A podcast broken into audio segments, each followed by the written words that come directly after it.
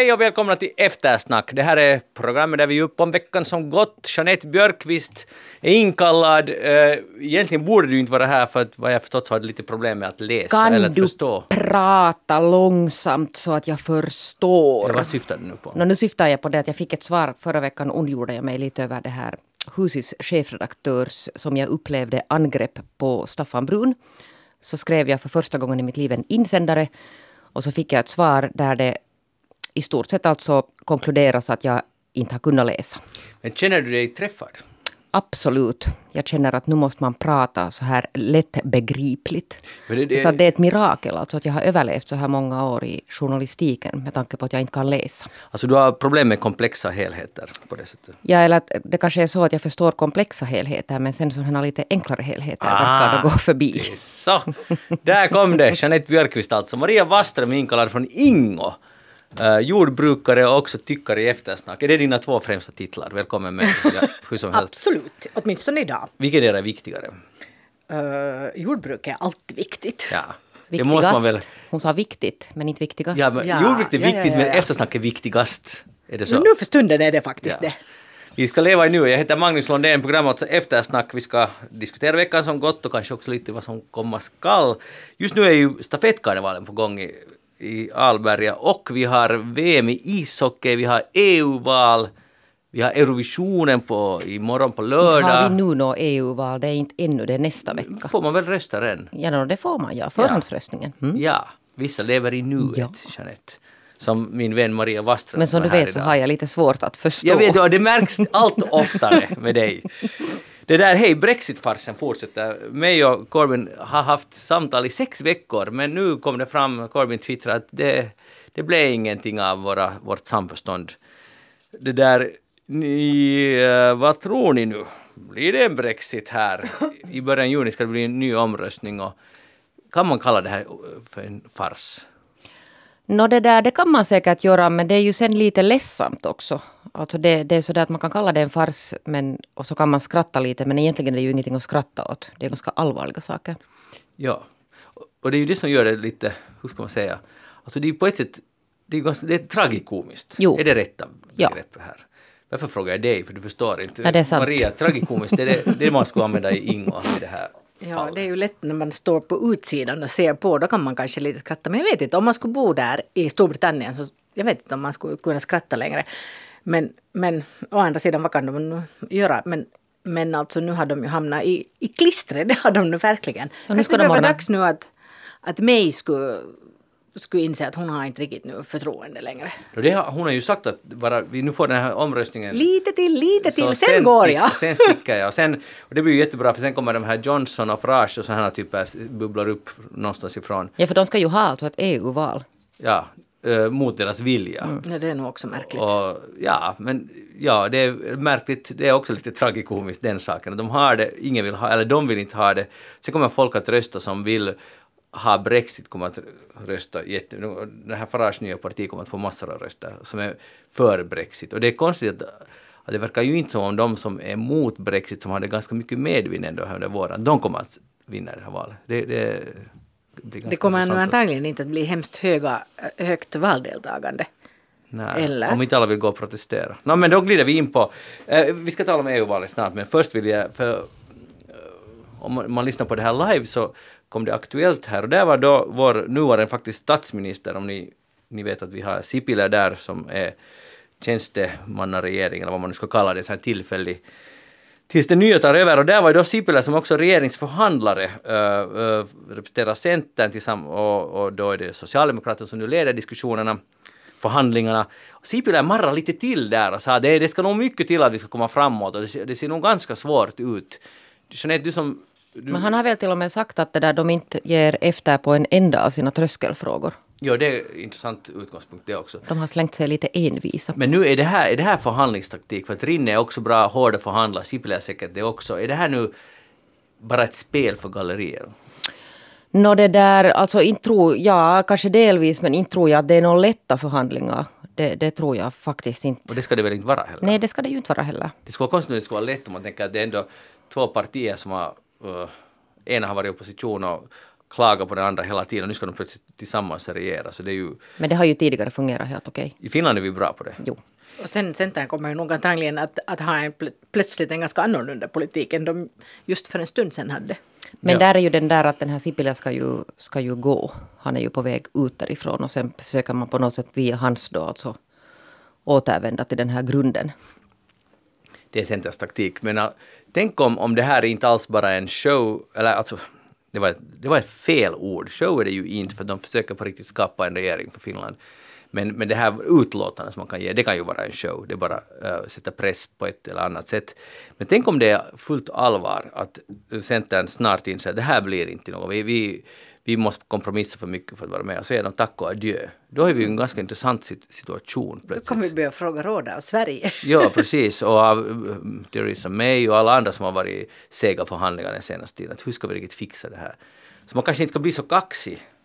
Men, men nu handlar det nu väl i slutändan om att också Centern kommer att få ge efter lite. Inte kan man ju gå till ett förhandlingsbord med den tanken att alla andra ska, ska kompromissa utom vi. Särskilt inte de.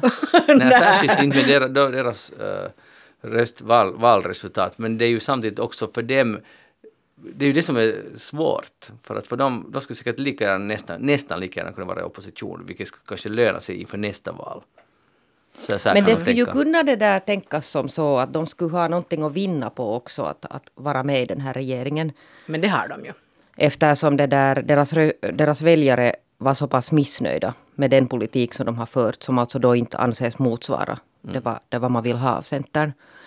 Och då kan man ju tänka sig att den här regeringen skulle på något sätt faktiskt då ge lite tilläggsboost åt dem för att då kanske det är en sån här värdevärld som de här Centerväljarna liksom vill närma sig på nytt. Många av Centerns väljare hoppar över till Samfinländarna. nu många av Socialdemokraternas har också det där hoppat över säkert. Mm. Men ännu mer, någonstans, någonstans for ju alla de som röstade på Centern förra gången. Och, och det var inte så att vi hade eh, färre som röstade, utan flera som röstade. Så att de måste ju ha hoppat över till The True Finns, eller någonstans i alla fall. Eh, men det, tänk ett sånt spel, för man måste ju alltid tänka också fyra år framåt. Så måste man också tänka att vi skulle nog gärna vilja vara, för att alla vill ju vara i regeringen. Det är ju enda sättet i praktiken att påverka. Då- eller så kan man tänka sig att vi väntar fyra år och påverkar på det sättet. Sen på- påverkar vi hejdlöst mycket. Det är ju det som Sannfinländarna nu vill göra. Det blir ju perfekt för dem det här. Jag tror nog på något sätt ändå det där, nu vet vi ju inte alltså det här vad som kommer ut och att, att han gör sådana här utspel och, och, och sen gör man inga utspel alls som igår sa de ju ingenting om hur det går. Men det pågår ju alltså ett febrilt arbete och på något sätt så tror jag nog att det finns en genuin vilja där på Ständerhuset att få det här, att lösa alltså det här och faktiskt alltså få en regering av det här. Ja, nu kommer det, nu, det är ytterst sannolikt att den ändå blir. Ja, och om de här, sätt. för att nu har ju det där Sannfinländarna och, och Samlingspartiet har ju fått tacknämligt med offentlighet där de har fått alltså såga hela den här och berätta att det här är helt omöjligt. Så om inte annat så borde det ge tilläggsboost åt Mm. de här som nu försöker få till en regering. Att de ska visa att nu fixar vi det här. Sen skulle man ju kunna i något skede där lite begränsa den här, den här kritiska alltså angreppsvinklingen på den här regeringsbildningen. Jag kan inte påminna mig om det för fyra år sedan var så här mycket alltså mot att man hela tiden försöker säga att det här kommer inte att lyckas. Det är svårt att komma ihåg, för nu var det ju mycket ironi nog över de här tre killarna som sen kom och gjorde high fives eller vad de nu gjorde, SSS. Så nu var det mycket ironiskt nog om dem då också. No, jo, men jag kan inte, jo, men det hör ju till att det är, men alltså nu tycker jag nog faktiskt att det har varit ganska så här styrt av på något sätt den här samlingspartistiska eh, ekonomiska linjen, alltså hela rapporteringen. We'll see. Det blir intressanta veckor. EU-valet närmar sig också. Och det har redan börjat, som jag påpekade här, man har kunnat förhandsrösta några dagar. Har du Maria varit och röstat? Nå nej, jag är nog väldigt eh, tydlig med att alltid gå på valdagen. Är det så? Jo, Varför är det så? Nå, det är ju så viktigt och så stämningsfullt och det känns så där högtidligt och bra. Men om, om man inte är i stan den dagen, I du är stan? väl, ja, jo, förlåt, Ja. jag är inte i stan. Och, ja, och, eller, då ska man förstås förhandsrösta om det, betyder, om, om det annars betyder att man inte kan rösta. ja, så det är okej då i alla Ja, fall. då är det okej, definitivt. Hörni, eh, jag har läst Markkinointi ja Mainointa, tidningen som de har då diskuterat hur mycket folk, hur partierna har använt på sina valbudgetar plus att deras sloganer, att hur, hur bra de nu funka och så vidare. Och, och här är två som blir dissade direkt och det är SFP och Kristdemokraterna för deras sloganer. Kristdemokraterna, jag skulle ta upp det först för det, det är ganska intressant att säga enemmän irti EUsta och, och det här E i enemmän är liksom ett eurotecken. Det är deras slogan. Och då, då funderar den här konsulten som de har intervjuat, vad egentligen betyder det här? Är det avsett om det helt enkelt att Finland, vi ska få mera fyrkpengar från EU? Att det är ju det enda, och, och det är liksom deras, att man går till val med det. Vad tycker du Jeanette om det här? Är det, Och, och, ja, det låter ju som en helt sån här äh, bra tolkning. Men nu har ju Kristdemokraterna har de själva förklarat det här. Enemmän irti. Nej, alltså så skulle jag ju nog kanske tolka det också. För att man, man kan ju säga att mera utav EU har de ju på, mer utav EU, där finns på svenska utan EU, e, eurotecken. Utan eurotecken. Ja, på svenska. Utan Det är mer på finska ska de ha pengarna därifrån. Verkar det är ju som. lite intressant också. Ja, Det finns ju ändå ett E också i den svenska meningen. Ja, mer utav, man skulle kunna gjort men det. det är ju där liksom mitt i Eller i alltså. EU kunde man väl haft då. Ja, det skulle ganska coolt, det skulle stå EU med eurotecken. Ja, Men då skulle det ju vara helt uppenbart att EU är den här, den här på något sätt kassakistan. Kassakistan, som vi ja. skriver till och med med ett eurotecken. Jag tycker bara att det är en ganska konstig tanke. Jag vet att alla drar ju hemåt alltid, överallt. Men nej men vet du vad, alltså Ja. de ser kanske om de ser den här euron som på något sätt en symbol för EU. Det är ju den här alltså mest kännbara, kännbara liksom delen att vi har en gemensam valuta. Men alla i EU har inte euro. På det sättet Nej, det har du ju rätt i också dessutom. Eh, Men, men förstår ni det här att jag tycker det låter lite girigt. Men jag vet att alla drar ju hemåt, alla länder och alla landskap och län, alla vill ha EU-pengar men jag tycker bara det låter lite så enkelt att det, det vi vill ha är mera pengar. Men jag tänkte att det där, jag- jag är nu inte så insatt faktiskt nu i, i Kristdemokraternas eh, valprogram. Men jag tänkte att det där låter ju lite mer som kanske Sannfinländarna. Att det har ju varit en diskussion om just att, att vi betalar för mycket till EU. Ja, det är ju det det ja, anspelar på. Att, att, men att jag trodde att det var mera kanske, kanske deras tanke men kanske inte. Kanske Kristdemokraterna kanske fiskar i samma vatten. Ja, det kan hända. Ja. Nå, de ska ju sitta i opposition kanske. Tillsammans. Nåja, och sen har vi då SFP som, som eh, har klämt ur sig SFP nära dig.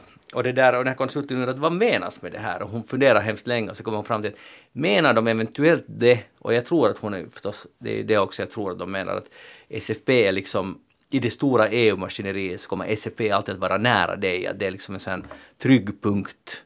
Men får ni några andra positiva associationer till det? Vad var liksom... ni- Men nu ni- försöker jag påminna mig, och nu kommer jag inte ihåg, men vad månne de hade för slogan under riksdagsvalet? Eh, Men Jag tycker att den låter- nära dig har varit med Jag tycker också att det låter lite bekant Jo, jo, alltså det är det som är poängen här, att flera partier har samma sloganer. Ja. Och, eller har gjort helt kor- små anpassningar till det här EU-valet, men SFP har exakt samma. Men alltså som, som tanke så är det väl en helt bra tanke det att man att, att beslutsfattandet finns nära människan.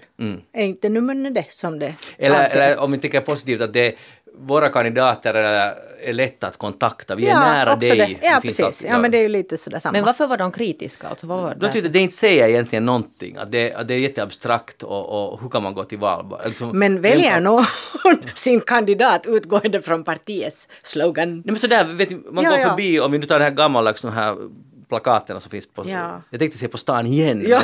men på längs landsvägen, där finns de. Så, så om det är en bra slogan så nu stannar man ju upp. Jag tycker om bra retorik. Nu är det ju ganska intressant att om någonting funkar. Men kan du nämna någon som de tycker att det är bra? Då? Ja, de, här var några som de tyckte att Grönas var, var riktigt lyckad. Det, var- det var den som fick det mest, mest hyllning. Uh, Näytä luontosi ja äänestä. Det var väl samma i Det är samma, också. och det är den här dubbelordleken. Och ordlekar är ofta ganska Ja, smarta. är, ja, det är sant. Och sen, är de, sen tycker de att Sannfinländarnas är jätteprovokativ och egentligen, att vad betyder det? Var det nu så att det var Suomi takaisin eller något sånt? Rösta tillba, Finland tillbaka och sen fråga den här konsulten att var har Finland varit här emellan? Tillbaka från vad då? Och vad tror ni? Att de Tillbaka till 1850-talet. Ja, då när allt var bra. Jeanette, vad har Finland varit de senaste åren då när Sannfinland inte har fått bestämma? Var de har varit? Ja, var är, när vi ska rösta Finland tillbaka? Nå, nu vet jag inte riktigt vad det är för Finland de vill ha tillbaka men jag tror att, att Maria är på rätt spår när hon talar om 1800-talet eller någon sån här fem, 1950-talet kanske. 1950-talet, det var ju bra möbeldesign nog då. Det, jag skulle gärna ta tillbaka det. Är det något annat från 50-talet du skulle, du, du skulle vilja ha tillbaka? Nå, det där, inte i alla fall könsrollerna. Nej, inte körs, men, men om jag får igen, jag är lite på Sannfinlands linje, affischkonsten som jag råkar känna till ganska bra. Den men var jo, fin. no, den var jag. Ja, alltså de, är ju, de vurmar ju nog för den här, alltså det där, inte för den moderna konsten utan för den här, Ja. den här nationellt inriktade gammaldags konsten. Har du någon, någon, någonting från 50-talet du skulle vilja ha tillbaka, Maria? Ah, jag lever mitt i 50-talet hela tiden för jag bor i ett det? 50-talshus. Ja, och ännu står det där. Och det är gediget byggt. Och Ja. det kommer att stå där länge ännu. Så ja, 50-talet är bra. Men. Ja, håller... Inte något men nu, nu ska vi inte vara så kritiska för jag, börjar, nu blir jag jag tänker rösta inte på det här. Men, Ja, ja, varför tänker du rösta? men jag tycker så här att... På att till exempel- 50-talet. På 50, jag röstar på 50-talet för att det höghus vi bor i byggt 1952. Okej. Där många, till exempel dörrbeslagen är jättesnygga. Jag tycker det här låter som en jättebra alltså motivering till att välja. Mm. Alltså, vilken kandidat ska jag välja? No. Men, men alltså, vet du, om, om, om det alternativet är att, att gå förbi de här plakaterna och hitta en slogan som är liksom Ja, men nu måste wow. du, kom, kom nu ihåg att det var jag som gjorde den här tolkningen av Aj, 50-talet. det Det, var ju, det var ju inte bekräftat nu då. Jag, tycker att att man nog borde alltså. göra kanske sin, si, sitt val. Eh, ma- Till exempel kan jag rekommendera de här valkompasserna och Mm. lite läsa tidningar och kanske prata med folk och, och se på nyheterna. Och jag skulle säga att det finns det kanske man lite göra? annat ja, än bara den där, det där valplakatet. Ja, eller, eller dörrhandtag. Ja, ja no, definitivt. Att lite på djupet skulle du Lite kanske, ja. Men är det problemet kanske då att människor håller på att förytligas? ja det, det är möjligt. Det är möjligt, ja. Men har du, nå, nå, Maria, Ingo och du, så hur, gör, hur, hur har du gjort nu? när- Har du redan hittat Vet du, din jag kandidat? tittar aldrig på den där plakaten. Det måste jag faktiskt ärligt säga. Aha. Nej, jag har inte något intresse av dem. Dessutom så tycker jag att jag känner ganska bra till kandidaterna helt oberoende av plakaten. Så de, mig tjänar de ingenting. Men att säkert nog många. Hur, hur fattar du ditt Så riktigt konkret, hur fattar du ditt beslut? Har du redan gjort det? Uh, ja. Okej? Mm.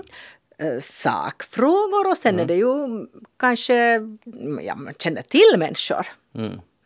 Ringer du till dem eller menar om du har Nej, oklart? För det tycker jag är ganska bra när man vill veta en, att den här kandidaten verkar bra men så vill man ännu den där detaljen, vad tycker du om si och så? Vet du, det finns många kandidater där mina landsända som jag känner personligen. Ah, du har det funkat på det Ja.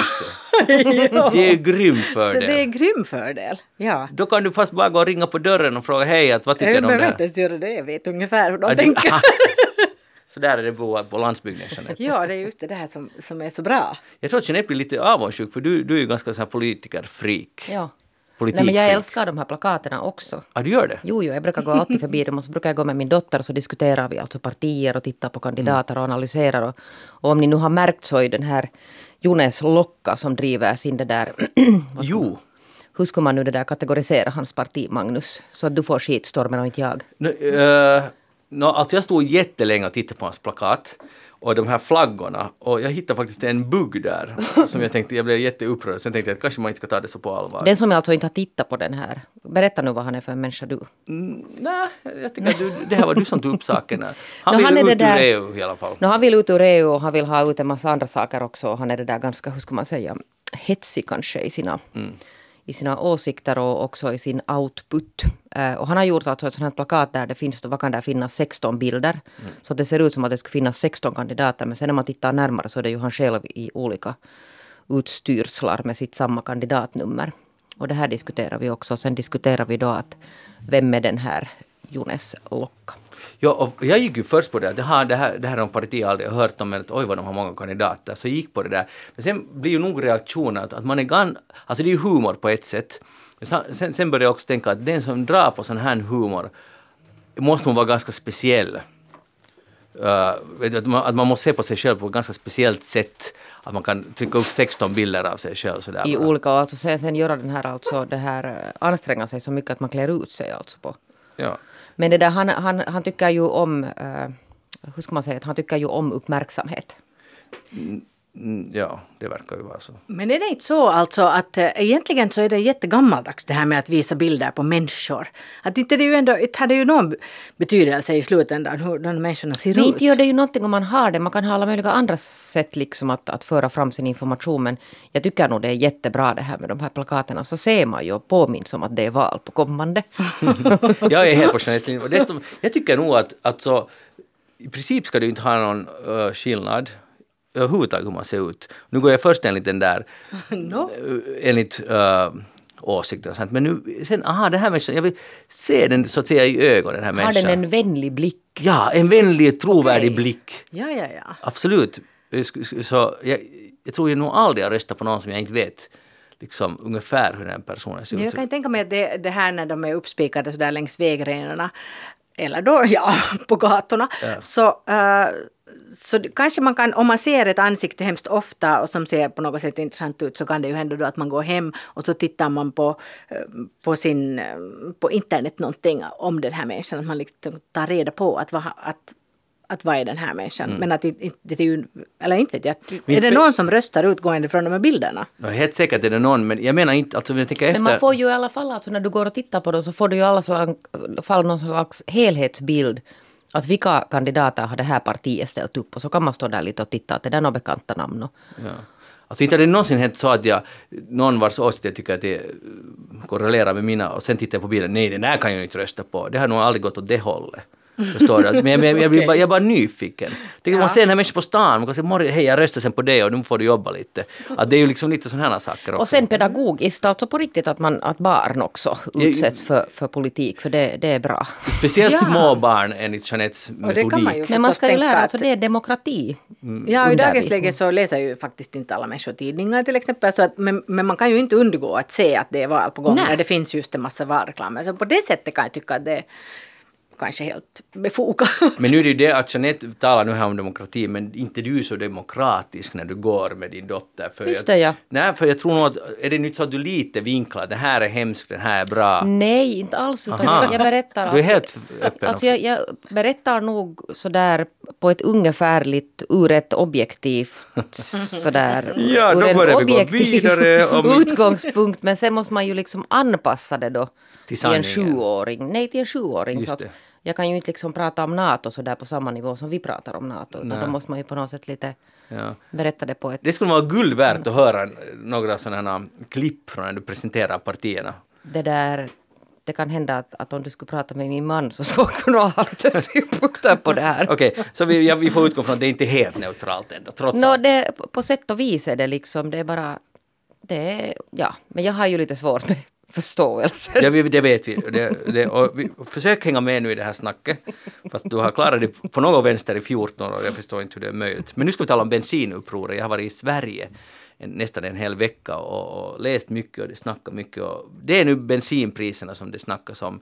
Uh, på en Facebookgrupp som heter Bensinupproret 2.0 och det där, jag tror att den har något typ halv miljon eller i alla fall många fler, flera hundratusen följare. Och man är jätte, jätte arg på bensinpriset som är, vad är det nu, ungefär 17 kronor litern. Nå, tror jag ungefär kostar. 1,70 blir ja, det väl. Alltså, grovt sett, i, i den storleksklassen. Och det har ju stigit för att oljepriserna stiger lite, det är allmänt kris lite över världen och, och, och det har inte direkt nu, just nu med skatterna att göra och sådär. Eh, och kronan är svag och så vidare. Men i alla fall bensinupproret är igång och det har blivit väldigt snabbt i en konflikt mellan landsbygden och stan.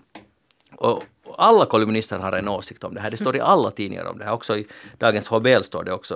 Uh, vad heter, eh, Peter Alfakira skriver om det där också för den som är intresserad. Den här debatten pågår och, och jag tycker det är jättespeciellt, eller det just det, det är inte speciellt. Utan det har blivit, nu har man igen lyckats skapa, det är vi mot dem. Det är liksom landsbygden som, som tycker att star, stadsborna inte förstår. Stadsborna tycker, vad gör man de där? Att, kan man inte ta bussen istället? Och förenklar jag hemskt mycket. För det, men, men att, att igen har man lyckats skapa en sån här uh, diskussion där man istället skulle kunna fundera på, okej, hur ska vi lösa det här? På ett sätt som, liksom, som på någorlunda rättvist sätt. Och nu Maria Waström, är det här, är bensinpriset ett stort problem?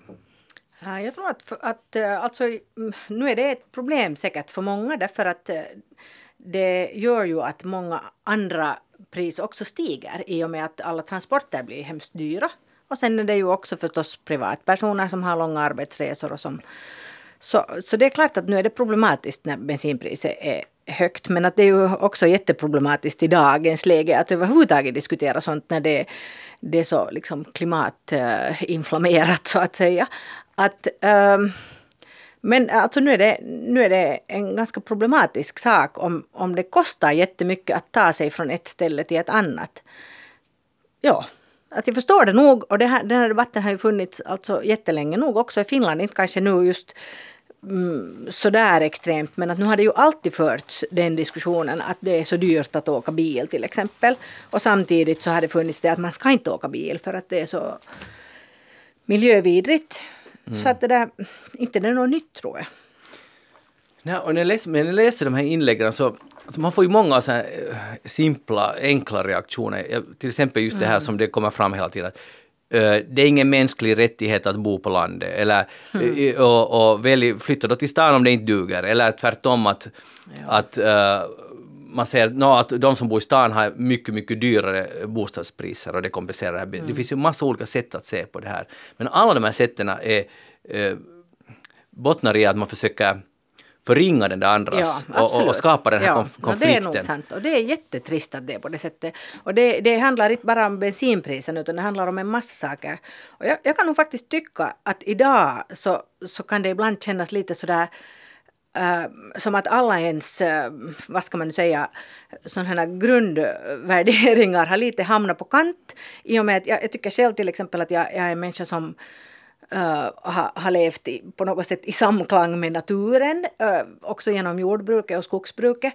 Och, och med och av naturen och så plötsligt så befinner man sig i en sån situation där allt man gör är fel. Och att man liksom blir anklagad för att att, att uh, allt man gör är... Men vem liksom, har sagt att allt du gör är fel?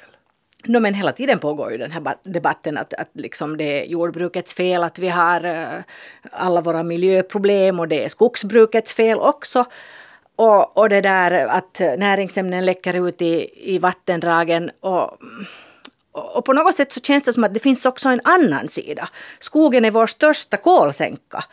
Och, och liksom, vet du, det finns så hemskt många sidor av alla de här sakerna. Och, och sen hjälper det inte riktigt att man ser det svartvitt och istället liksom kastar skit på varandra. Mm. Utan man, man borde, den här debatten är helt galen när det blir just de här konflikterna istället för att man skulle borde bara reda upp och hitta lösningar. Men de här lösningarna är aldrig så svartvita som människor försöker påstå. Det, inte, inte kommer vi att rädda planeten genom att alla plötsligt slutar äta kött. Eller, eh, och speciellt inte av betande djur någonstans på, på landsbygden i Finland. Men, men det blir i verkligheten så att människor på något sätt tror att, att en åtgärd är alena rådande mm. och då måste alla göra så här och allt annat är fel. Och det, är därför för att det, vi vill alla ha enkla svar. Ja, och, och de är konflikt. inte enkla. Nej, nej, ja, exakt. Det är just det där det Men blir du provocerad om jag säger det, och jag, det här säger jag för jag tycker så här, jag tycker att bensinpriset inte alls är dyrt. Jo, jag vet, jo, ja, äh, men blir, blir du så här, han förstår alltså inte. jag är inte den som står på barrikaderna för nej. bensinpriset, det måste jag nog medge. Att, och, och jag tycker faktiskt att det görs också en massa onödiga bil alltså mycket bilkörning som inte alls är nödvändigt. Jag tycker definitivt att man borde samåka mera. Mm. Men att eh, nu ser jag att det också finns, finns liksom konsekvenser som, som inte är så bra med det. Mm. Men nu tror jag att det, jag tycker heller att det ska vara jättebilligt att åka bil därför att, att då åker ju människor mera. Det är klart att det är på det sättet. Mm. Alltså, det, det är ju det att mitt perspektiv är helt, helt, helt, helt ett annat. Utan jag, menar, jag måste tanka när jag far till landet. Och jag tycker, mm. varje gång tänker jag, tänk att det är så här billigt. Vi kan fara fem personer och det är liksom så enkelt och lyxigt och billigt. Det är, liksom, det är mitt perspektiv. Det är ju mm. verkligen en liten, liten del av... Jag, jag behöver inte använda den, jag kan promenera ja. och cykla. Det är, alltid, det är, det är just de verkligheterna inte möts. Jo, det är klart att det är jättemånga som satsar alltså många tusen euro i året på, mm. sina, mm. på bensin. Att det blir jättedyrt nog. Men de får dra av det i beskattningen. Ja, no, det är sant. Ja, det, det stämmer. Men det är också mycket med det här, just när, när du talar om det där att, att eh, eller jag, jag sa att, att på något sätt värderingarna har, har omkullkastats. Så det är också det att att bara det att man bor på landet är plötsligt en dålig sak. Jag menar, jag har också tyckt det att, att att vi som bor på landet ofta har ett ganska sunt förhållande till naturen. Och, och, många kanske värmer sina egna hus, kanske de uh, odlar sin egen mat och allt det här. Men, men nu är det också på något sätt, det, det är också fel det. Att men man det har jag nog aldrig upplevt och, och man, det känns som att, att det, det fina är det att om man bor i en lägenhet i stan och äter eh, sojakorv och, och, och tofu. Soja, det är liksom, soja från USA. Ja, ja, och det känns för mig helt otroligt ja. bakvänt. Men, men äh, jag måste säga här för att Det är också jättepopp i dagens debatt att bli martyr. Ja. Och dra det här och det finns ett parti som jobbar extra mycket på det. Ja. Och alltid om man får kritik. Så, men jag, upp, det är intressant, att jag, jag tycker det bra att du säger det, att du upplever att att allt är fel med att bo på landet. Men vem tänker så? Ja, kanske Alltså, man jag- inbillar alltså, sig. Nej, men jag tycker så- nog jag att man liksom en- läser i tidningarna om det här. Men vänta, Nå, jag, nå, jag, jag, nå. vill, för att, jag tycker att så här oförtjänt, jag tycker att för mig får vem som helst bo på landet ett automatiskt konstigt plus i marginalen. Och jag vet inte vad det bottnar i för det är också helt Men osakligt. jag har också en det. sån känsla Ja, det, är att nog, det är nog bra. Ja, det är dåligt här. att bo i stan. Ja, jag, Ja, man känns flera, borde, ja. ja, flera borde bo alltså på landet. Okej, Ja, nu, så- nu är det här ju en viktig debatt att diskutera eftersom vi alla har helt olika uppfattning här. Ja, det är ju det som är det intressanta. Men vad bra, Ja. de har lyckats skuldbelägga alla. Ja. Det är jämlikt. ja precis. Men har du, Ja. har du skuldkänslor? Eller liksom, är du martyr? Var är, var är du i det här debatten? Nej, alltså den är jag ingen, men alltså jag har alltså faktiskt den här, alltså jag har inte, jag har inte uppfattat några sådana alltså signaler Okej. om att, att det ska vara dåligt att bo på landet. Det, har, det är liksom för mig helt... Det finns säk- säkert en skola som säger att det är mycket mer ekologiskt om alla bor i ett höghus, använder fjärrvärme. Nu, nu finns det säkert den här, nu, nu, nu, förstår jag vad det bottnar, nu har det kommit sådana här Men påståenden. jag tycker att det har talats alltså uttryckligen om det att, att, att man borde bo på landet och man borde alltså befolka landsbygden. det har varit extremt bo sån här... liksom långt ut på landet där det kostar att ha skolskjutsar och om man ska bo på landet så då ska man bo i någon slags eh, små samhällen. Men det är ju tur att folk, alltså jag tycker att man ska på sättet vara glad att folk vill bo på landet för att ingen vill ha en landsbygd där det inte bor någon människa. No, det är ju det. Och speciellt inte sommargästerna. Och var är butiken? Varför finns ingen butik? Liksom, nu är det ju, Mm. nu, nu, vi har, det är helt win-win för alla det här. Och så är det. Och och det som är alltså, tycker jag problematiskt är också det att den falangen kanske ni inte heller alls har hört talas om det. Men, men det där, den tanken att, att att man ska helst inte liksom ha den där servicen på landsbygden. Man ska helst inte... eh, det ska liksom vara ett reservat och man ska inte hugga sin skog och man ska inte eh, bruka sin åker utan, utan det ska bli... Det ska vara så som det är i så kallat naturligt tillstånd. På 50-talet. Ja, ja, om ens då. Men, men det där... Och det känns också helt underligt tycker jag. Att, att ska vi ha någon sån här vildvuxen landsbygd där ingen bor som man ska åka och, och bekanta sig med sen på sin cykel eller något sånt här. Det, det känns väldigt främmande. Jag hoppas att det är bara en liten falang som tänker på det sättet. Och det kan ju hända att när man är lite känslig för de här frågorna så ser man just dem. Du känns som att du tar det personligt. Jo, jag tar det nog Ja. personligt. Det- det är sant. Och det, men det är intressant för att tar, och som stadsbo om någon attackerar boende i staden så jag tar det nog inte personligt. Nej, för det, för sånt, det är så, så pass stort. Man behöver, ja men det gäller inte mig där. Jag, tar- jag tar inte liksom överhuvudtaget, för det finns helt mycket med stadsboende som man kan kritisera, helt berättigat tycker jag nog att det finns. Men nu är det ju också trevligt att bo i stan. Och det är lite som med landet, också bra. Mm, ja, jag, jag tyckte då när jag bodde i stan så tyckte jag att det var härligt. Nu, nu har jag blivit så gammal att nu ska jag inte orka mer med det. Men, men ja, det finns fördelar också. Komplicerade frågor. Här i alla fall i Aftonbladet vi har en debattartikel som säger att vi ska nu bara ta modell av Norge där eh, försäljning av elbilar går helt jättebra medan i Sverige och säkert, eller jag vet Finland också, långt, långt efter och i längden leder det till att det blir en marknad för begagnade elbilar som inte ännu finns och det igen kommer att betyda att folk som bor på landet och i stan kommer att ha råd att köpa de här. Det kommer att förändra allt. Och då finns inte den här miljöproblematiken på samma sätt för att, för att en elmotor är mycket mer eh, vad heter det, energieffektiv än, än en, den gamla dieselmotorn till Fast exempel. det där är väl en, en skattefråga i Norge. Att, att De har säkert är ju inte dyra där. De, de har säkert gjort det med flit. ja, precis. driv- Att det är ja. ju klart att man kan styra sådana saker.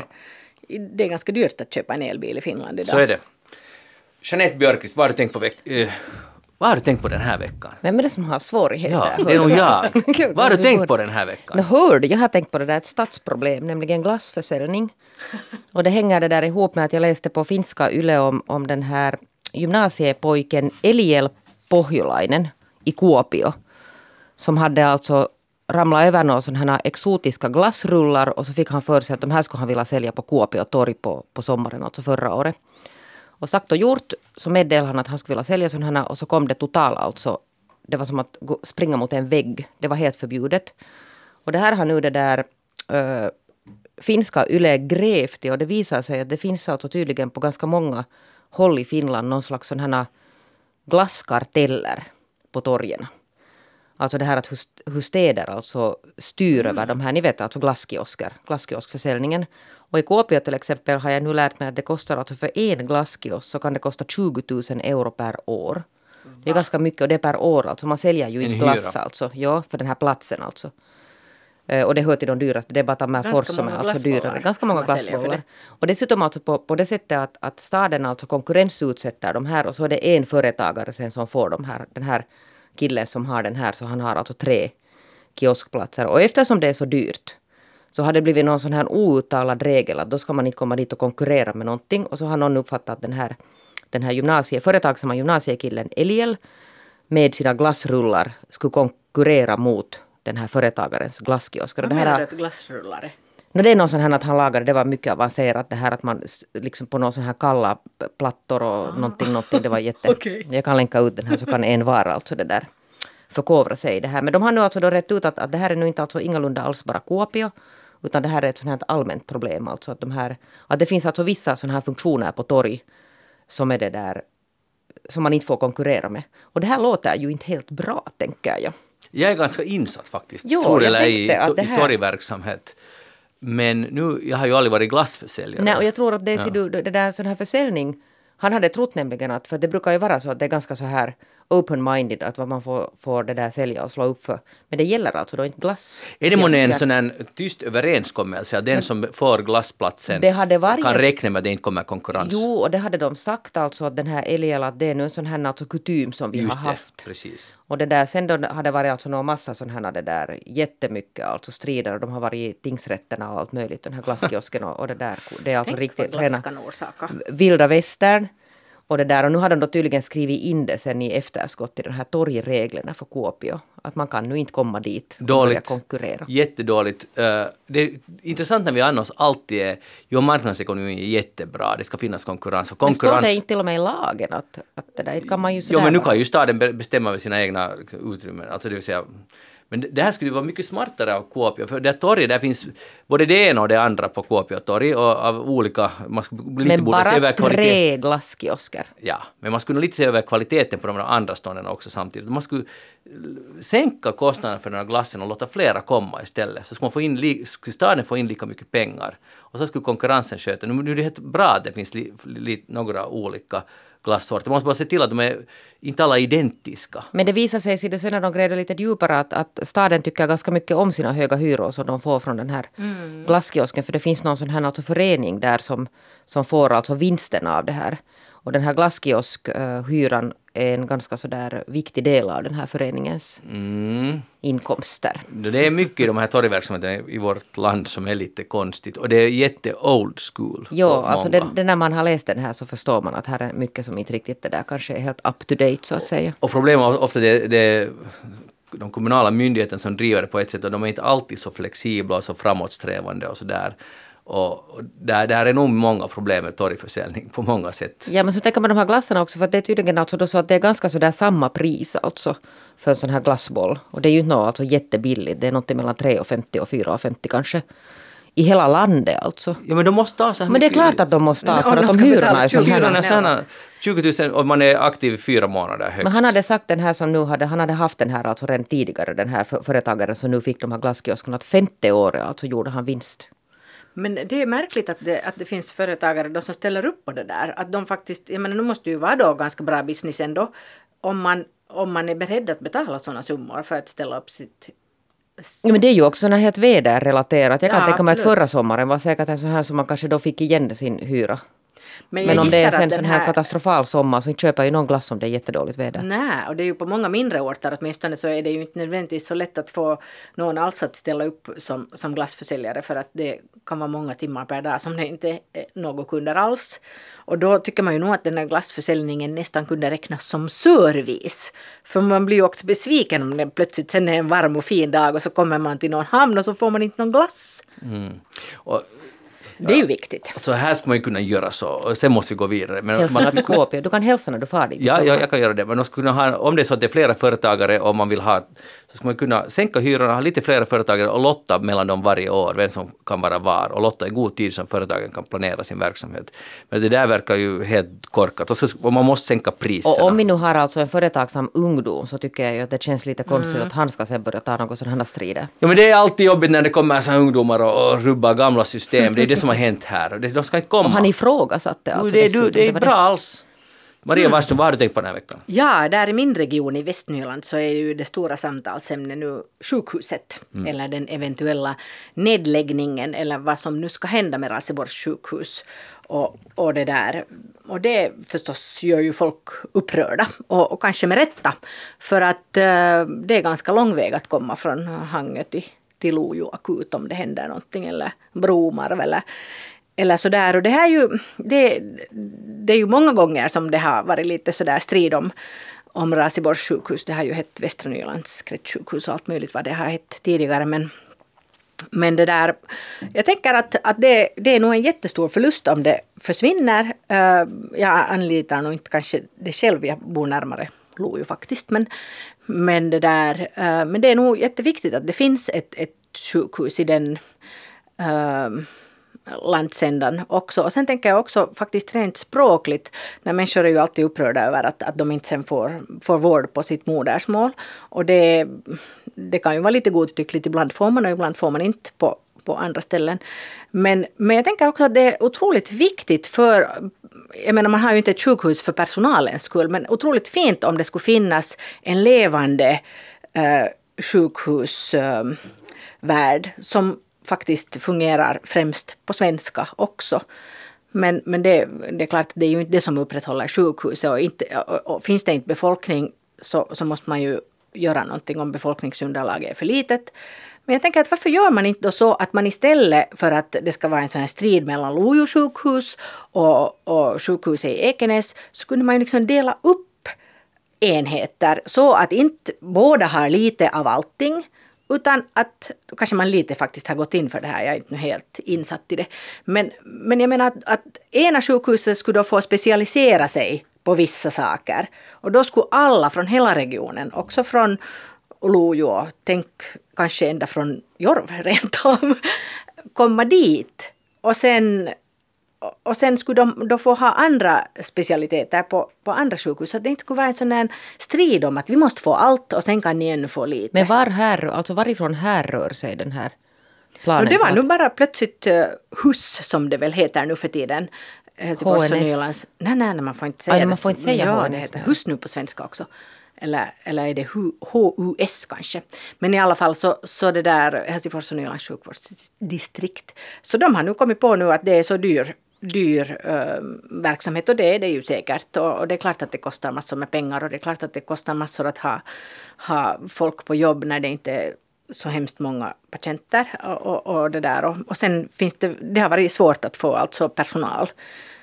Men jag läste i Yle Västnyland att, det, att det, vad än som händer så sjukhuset kommer inte att stängas, så stod där. Så, ja, så sa de. Ja, och det tror vi ju förstås nog att, att det kan vara sant. Men det betyder ju sen då att hurdan slags service finns det på ett sånt sjukhus? Om man inte har jour på ett sjukhus kan man då kalla det för, för sjukhus? Jag vet inte. Var, varje gång man läser så, sådana nyheter från hela Finland så blir det varje gång lika uh, så wow, att tänk att inte Finland har råd Ja, det är nog att underligt. hålla de här sju, att, Ja. att, det, att Jag vet, det, jag förstår och alla förstår att det är dyrt. Mm. Men nu är det ganska viktigt för nu, nu skapas det, nu är det, nu just är det då Raseborg, nu går alla på barrikaderna och tänk all den här energimängden Ja. som går åt och alla ska engagera så får man sån här en halv eh, seger att det sparas kanske lite och eller det sparas och sen, sen ny fight om tre år och all energin överallt i Finland har, som, när enheter stänger och sånt, det är så konstigt att vi inte har råd. Och det är ju den där specialistvården som, som är dyr. Men att den, den eh, kommer ju inte att försvinna utan den ska ju då ges på något annat ställe istället. Så att, eh, att det, det var någon som sa någonstans så att, att det kommer ju människor att bli friskare. Men, men det där... Ja, jag vet inte. Du är orolig. Nå, nu är jag det. Ja. Jeanette. No, ja, jag är absolut. Alltså, jag tror att Borgå sjukhus har också i något Mm. skede alltså varit så här det har diskuterats alltså den framtida existensen och jag är ju alltså jätteför att det finns vettiga sjukhus på sådana här, det är inte några ändå sådana här helt små orter. Nej, nej man tycker ju att det skulle finnas tillräckligt med människor. Alltså, Nej, det är inte sådär att- som att Pirlax skulle ha ett eget alltså centralsjukhus utan det är ju ändå en ganska stor Ja. region alltså, det är samma sak. Och får jag det, gro- som, det som lite förundrar att det faktiskt är så svårt att hitta personal och, och, och speciellt läkare alltså som, som vill komma dit. Att nu för tiden har de ju, de har ju till och med busstransporter härifrån huvudstadsregionen men jag vet inte varför de inte, det är ju så fina äh, områden också att bo i och det är ju så nära huvudstadsregionen trots det. Äh, Att, att jag förstår du- inte att man inte, att det är så svårt att hitta personal. Men det är det där när, vet du, som du sa, att, att ni blir beskyllda för allt ni som bor på landet och Jo. ingen vill höra till den här gruppen. nej, Ta skulden för allt skit. Men det som, det som det lite handlar om tror jag nog äh, sådär ur personalsynvinkel, eller äh, med tanke på läkarna, att de vill ju ofta ha sen ganska äh, omfattande arbetsuppgifter. Att de vill inte ha kanske de där allra enklaste. Är Och de sen- bortskämda? Ja, de är nog kanske lite Krävande. Ja, och då om det är ett sånt sjukhus som inte ger något annat än, än det allra mest grundläggande vården, så då kommer det att bli ännu svårare att hitta de här ambitiösa äh, läkarna som vill jobba där. Vilken dyster framtid. Ja, hemska saker. Borde man utbilda flera läkare då? Kanske det. Kanske sådana som kommer från landet. Just det, som förstår charmen. som vill bo där. Ja, som förstår exakt. hur härligt det är.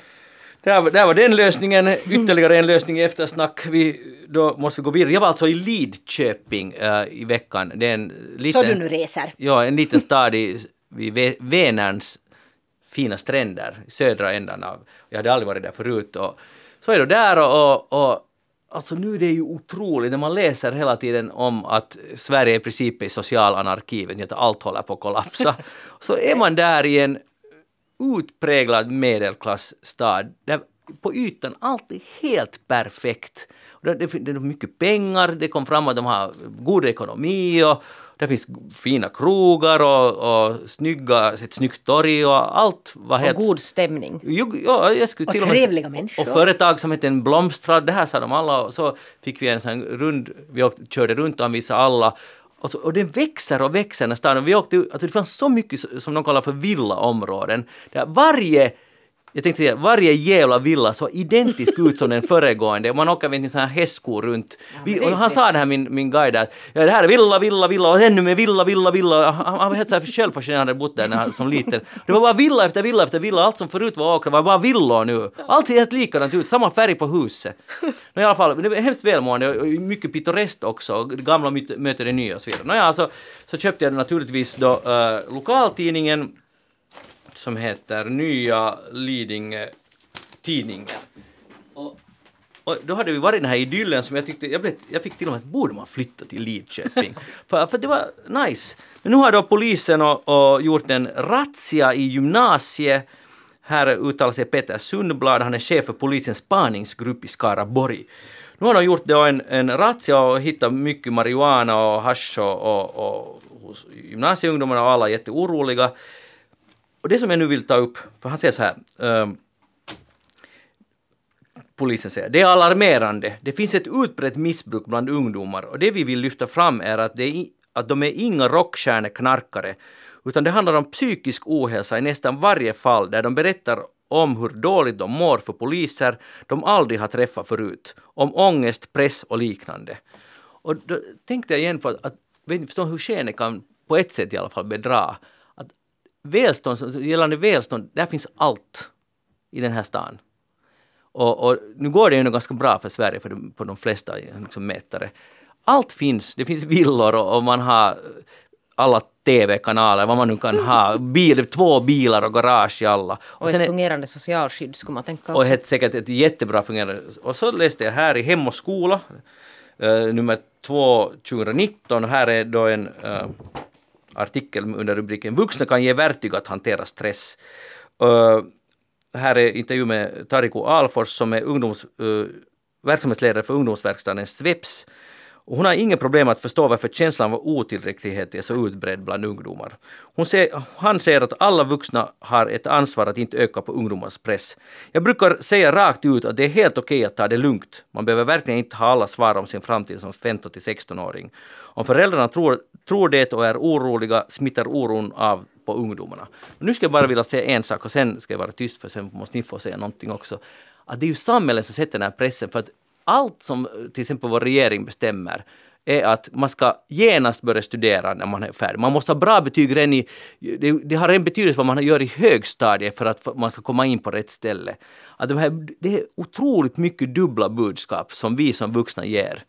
Eh, och beslutsfattare och, och vi röstar på sådana. Och, och sen försöker någon verksamhetsledare säga jag sätter inte press och det är jättebra men, men jag tycker att det går ganska åt fanders. Och jag har beviset finns i Lidköping. Jeanette, nu har jag det där, ja, alltså där är ju säkert också får man lite belasta den här föräldragenerationen. Att på vilket sätt alltså, att, att vad, vad hände där när man började alltså kräva för mycket av de här ungdomarna?